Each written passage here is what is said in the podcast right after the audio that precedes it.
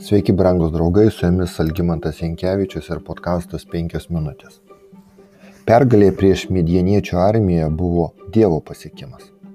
Kol 300 Gideono kovotojų pūtė trimitus ir mojavo deglais nakties tamsoje, viešpats atsuko vieno midieniečio kardą prieš kitą. Jie ėmė bėgti ir žudyti vienas kitą. Netrukus prie šių 300 vyrų prisijungė tie, kurie anksčiau buvo išsiųsti namo, o tada Efraimo giminės vyrai nutraukė paskutinę galimybę priešams atsitraukti per Jordano upę. Po šios nuostabios pergalės visi žmonės sakė Gideonui, valdyk mus tu, taip pat tavo sūnus ir tavo vaikaitis, nes išgelbėjai mus iš Midjano rankos. Kitaip tariant, izraelitai pakvietė Gideoną tapti jų karaliumi. Bet jis tvirtai atmetė šią mintį ir atsakė, nei aš jūs valdysiu, nei mano sūnus jūs valdys, viešpats jūs valdys. Tuo pačiu metu jausdamas žmonių nusiteikimą Gideonas žengė keistą žingsnį, kuris vėliau labai paveikė viso Izraelio dvasinę būseną. Jis pasakė, duokite man kiekvienas iš savo grobę po auskarą. Jie atsakė mielų norų. Taigi jie įskleidė drabužį ir kiekvienas metė jo po auskarą, gautą kaip grobį. Anksčiau toks kvietimas Izraeliui atsinešti auksinių papuošalų jau skambėjo iš Mozės, kad būtų galima surinkti medžiagą padangti statybai. Tada žmonės atnešė papuošalų, kurį anksčiau buvo prašyris egiptiečių ir egiptiečiai davė. Bet dalijant karo grobį buvo dar viena viešpatės numatyta taisyklė. Viena penkisdešimta dalis turi atitekti levitams, o viena penkišimta grobio dalis turi atitekti kunigams. Skaičių 31 skyrius. Pažymėtina, kad šis principas buvo įtvirtintas po pergalės prieš midieniečius dar mozės laikais kai giminių vadovai viešpačiui atnešė auką iš auksinių papuošalų. Visas šis auksas buvo dedamas į šventovę, karai su medieniečiais atminti.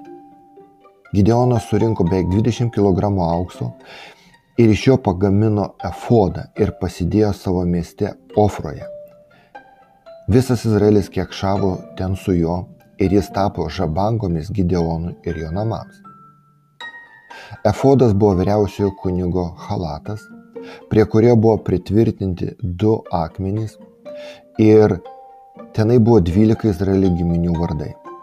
Efodas, kurį turėjo karaliaus Dovido laikų kunigas Abietaras, buvo naudojamas norint gauti patarimą, nurodymą iš viešpaties.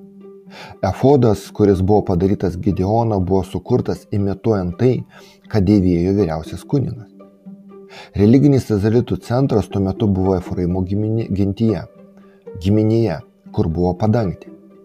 Arogantiškas Efraimo giminės atstovo elgesys, taip pat stebuklas, kurį angelas padarė šalia Gideono namų prieš pašaukimą, galėjo nuvesti Gideoną į klastingą mintį, kad reikia įsteigti naujo garbinimo vietą ir kad jis turėtų veikti ten kaip kunigas.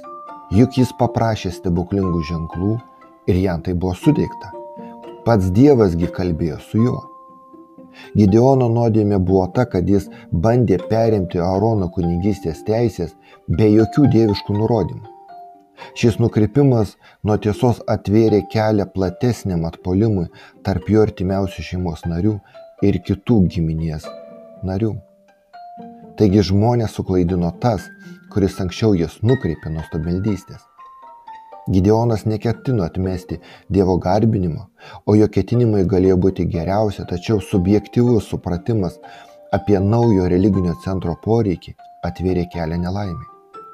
Jei Gideonas būtų ir toliau ieškojęs dieviško vadovavimo, kaip tai darė anksčiau, jis būtų išgelbėjęs savo šeimą ir savo žmonės nuo daugybės nelaimių ir kančių. Brangus draugai, Gideono istorija yra pamoka visiems mums kad geri mano ketinimai dar nedaro mano veiksmų teisingais. Geri ketinimai gali nuvesti į pražūtį.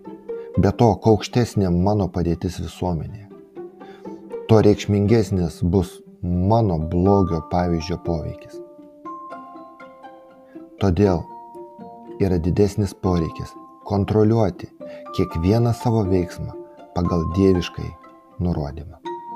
Su jumis buvo penkios minutės ir Algimantas Jankevičius.